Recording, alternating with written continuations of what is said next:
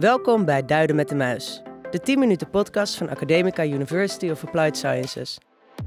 Samen met onze in-huis onderwijswetenschapper Daniel Muis duiden we met elkaar wekelijks de zin en de onzin achter de trends, de gebaande paden en de gewoonte in het onderwijs. Mijn naam is Anna van Zadelhoff, onderwijskundige en learning and development specialist bij Academica. En mijn naam is Daniel Muis. Ik ben onderwijswetenschapper en dean van de School of Education and Society hier bij Academica. Welkom Daniel. Dankjewel Anna. Ik zal even kort introduceren waar we het vandaag over gaan hebben, voordat we erin duiken. We gaan het hebben over evidence-informed en evidence-based onderwijs. Dat wordt omschreven als onderwijs organiseren volgens wetenschappelijk onderzochte en bewezen methodieken en theorieën. De termen evidence-informed en evidence-based lijken ook steeds meer geworteld te raken in hoe we met elkaar spreken over onderwijs. Bewezen methodieken werd ook gebruikt in het coalitieakkoord en je ziet het veel terug in blogs en artikelen.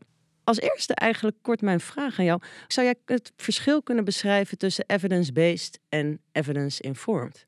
Jazeker. Bij evidence-based gaat het in de eerste plaats om het gebruiken van wetenschappelijk bewezen methode in je klas. Dus je neemt de methode en je past ze toe.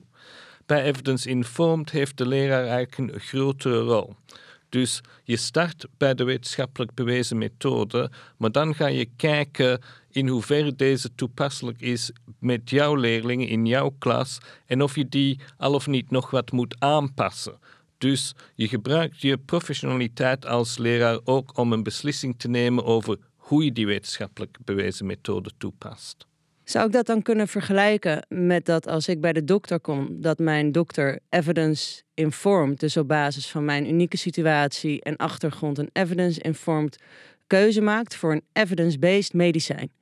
Absoluut, ja. Dus een goede evidence-informed docent maakt goede evidence-based keuze. Juist.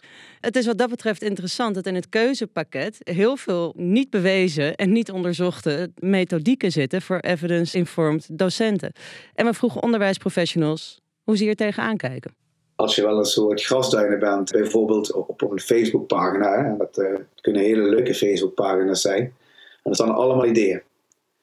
En dan heb ik niet het idee dat, dat wat daar staat ook echt wetenschappelijk over nagedacht is. Maar als je dan ziet hoe enthousiast mensen daarop reageren, omdat het natuurlijk ook heel leuk allemaal klinkt en uitziet, denk ik van ja, doen jullie dat nou? Reageer je erop omdat het leuk lijkt en besef je ook of het wel iets opbrengt. En toen ik op een gegeven moment in aanraking van met het hele principe evidence-based lesgeven en me daar zelf ook in ging verdiepen, want ik ging er altijd bij alles maar vanuit, het zal wel kloppen, want er is vast iemand die dit heeft onderzocht en anders wordt het geen methode. Maar dat is heel vaak niet zo. Maar vanaf dat moment ben ik wel echt heel anders naar onderwijs gaan kijken. Dus ik denk dat het eigenlijk uiteindelijk ook bij de PABO's begint. Dat leerkrachten veel beter worden opgeleid in waarom doen we de dingen zoals we ze doen. En misschien is die verbetering al wel hoor. Alleen als ik nu kijk naar mijn eigen PABO-tijd, dan denk ik, nou, ik kreeg globaal les in hoe ik les moest geven. Maar daar was evidence-based gewoon nul aan de orde. Heel veel op de inhoud, maar niet op het leren zelf. Dat vind ik een interessante uitspraak. En ik ben het zeker eens dat we inderdaad hier in de PABO mee moeten beginnen. Inhoud is natuurlijk belangrijk, maar het is wel een beetje gek als we niet leren over hoe we leren. Dat is een beetje zoals een arts die niet leert hoe het menselijk lichaam in elkaar zit. Dus dat moet een onderdeel zijn van wat je in de PABO doet. Nu, is dat nog steeds een probleem in de PABO? Ik denk het wel, want als ik met studenten spreek, dan zie ik een grote spreiding wat betreft of ze dat al of niet geleerd hebben. Dus in sommige pabo's spreken ze blijkbaar over cognitieve belastingstheorie en het geheugen en dergelijke meer. En in andere pabo's hoor ze daar juist helemaal niks over. En dat is natuurlijk wel een probleem.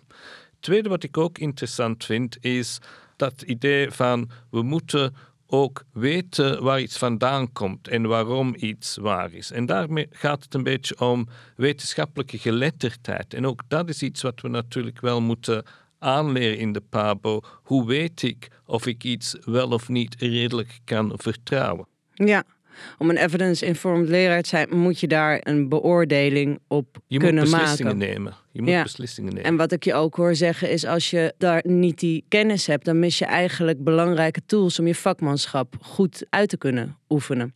Precies. Wat ik zelf ook wel interessant vond, is dat je iemand hoorde zeggen dat ze ervan uitging dat zal wel kloppen. En ik kan me dat zo goed voorstellen dat als jij een methode op je school gebruikt, wat er hartstikke mooi uitziet, wat helemaal is uitgewerkt, dat je ervan uitgaat dat iemand dat heeft onderzocht of dat wel werkt.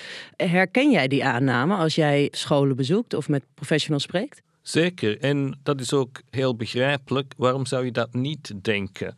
Maar helaas is het zo dat we in het onderwijs nog heel vaak van de ene hype naar de andere lopen en gewoon dingen doen omdat ze nieuw of, zoals onze eerste spreker zei, leuk zijn, in plaats van dat op een wetenschappelijke basis eerst onderzoeken. Het is alsof we naar de dokter zouden gaan en we zouden even grote plaats hebben voor homeopathie of het gebruik van beestjes die mijn bloed uitzuigen als voor eh, de wetenschappelijk bewezen methode. En in het onderwijs is het vaak nog zo. Dus ik begrijp zeker dat die aanname er is, maar helaas kunnen we dat nog niet aannemen. We gaan weer even luisteren naar onze onderwijsprofessionals over evidence-based informed onderwijs. Als je daarna je visie inricht, en als je daar dan ook vervolgens genoeg draagvlak bij kunt creëren, dan weet ik zeker dat het onderwijs echt wel een significante stijging gaat doormaken. Nou, ik denk dat we vooral moeten streven naar dat we zoveel mogelijk doen wat werkt. En daar is evidence-based natuurlijk heel groot van invloed. Tegelijkertijd ben ik ook van mening dat we het situationele, het menselijke en andere aspecten niet uit het oog moeten verliezen. Dat vind ik wel interessant, want vaak wordt dat evidence-based en evidence-informed wordt tegenover dat menselijke en intuïtieve gezet als tegengestelde. Dat zie je vaker inderdaad. Dat zeg je, maar kan ik niet meer creatief zijn, kan ik mijn vakmanschap niet uitoefenen. Maar wat ik jou eigenlijk hoor zeggen is evidence-informed onderwijs geeft je juist tools om creatief te zijn, om je vakmanschap juist op een hoog niveau uit te oefenen. Hoor ik dat goed? Ja, absoluut. Creativiteit komt niet uit de lucht. Creativiteit komt ook voort uit de kennis die we hebben. En als we meer kennis hebben, ook als leraar, als professional, dan kunnen we juist creatiever zijn. Wat ik zie als ik scholen bezoek, is dat het juist de leraren zijn de minste kennis hebben en daardoor ook vaak het minste zelfvertrouwen, die zich heel strak houden aan alles wat in de methode staat. En dan hoor ik bijvoorbeeld uitspraken als: Oh, ik weet dat mijn leerlingen nog niet klaar zijn, nog niet begrijpen, maar ik moet naar de volgende bladzijde in mijn methode. En dat is eigenlijk een heel onverstandige methode om te werken. Als je de kennis hebt en als je evidence-informed werkt, kun je juist zeggen van oké, dit deel van de methode is misschien minder verstandig, dat ga ik even niet doen. Dus creativiteit is gebouwd op kennis en de evidence-informed leraar kan juist creatiever zijn. En dat menselijke is inderdaad heel belangrijk. Die menselijke relaties zijn belangrijk en de beslissingen die wij persoonlijk nemen als professional, als meester, zijn daarin belangrijk. Dus evidence-informed is niet je drukt op een knop, je doet gewoon wat er staat. Nee, het is ik neem een beslissing over wat ik ga doen, maar daarbij gebruik ik het wetenschappelijk onderzoek, want dat geeft mij de beste kans om goed onderwijs te brengen. Ja, ik sta erboven. Ik heb mijn vakmanschap, ik heb mijn tools en ik weet precies hoe ik die moet bespelen om de resultaten eigenlijk te behalen die ik wil. Precies. En dat je sturing eh, daaraan kan geven. Nog één korte vraag. Stel nou dat de docenten of schoolleiders zijn die denken: ik wil graag een start maken met evidence-informed onderwijs inrichten. Waar begin je? Waar begin je? Ehm, je kunt beginnen natuurlijk met ons een telefoontje te geven en wij kunnen jullie daar absoluut bij helpen. Er zijn ook andere zaken die je kunt doen. Ga bijvoorbeeld eens kijken naar websites van de NRO of ga eens kijken naar Research Aid. Ga daar eens naartoe en dan kun je al allerlei nuttige informatie vinden over hoe je evidence-informed te werk gaat. We zullen even wat links laten. Die leiden naar inderdaad verzamelwebsites met allerlei nuttige informatie, zoals Daniel zegt. Daniel, ik wil je hartelijk bedanken weer voor vandaag. Graag gedaan.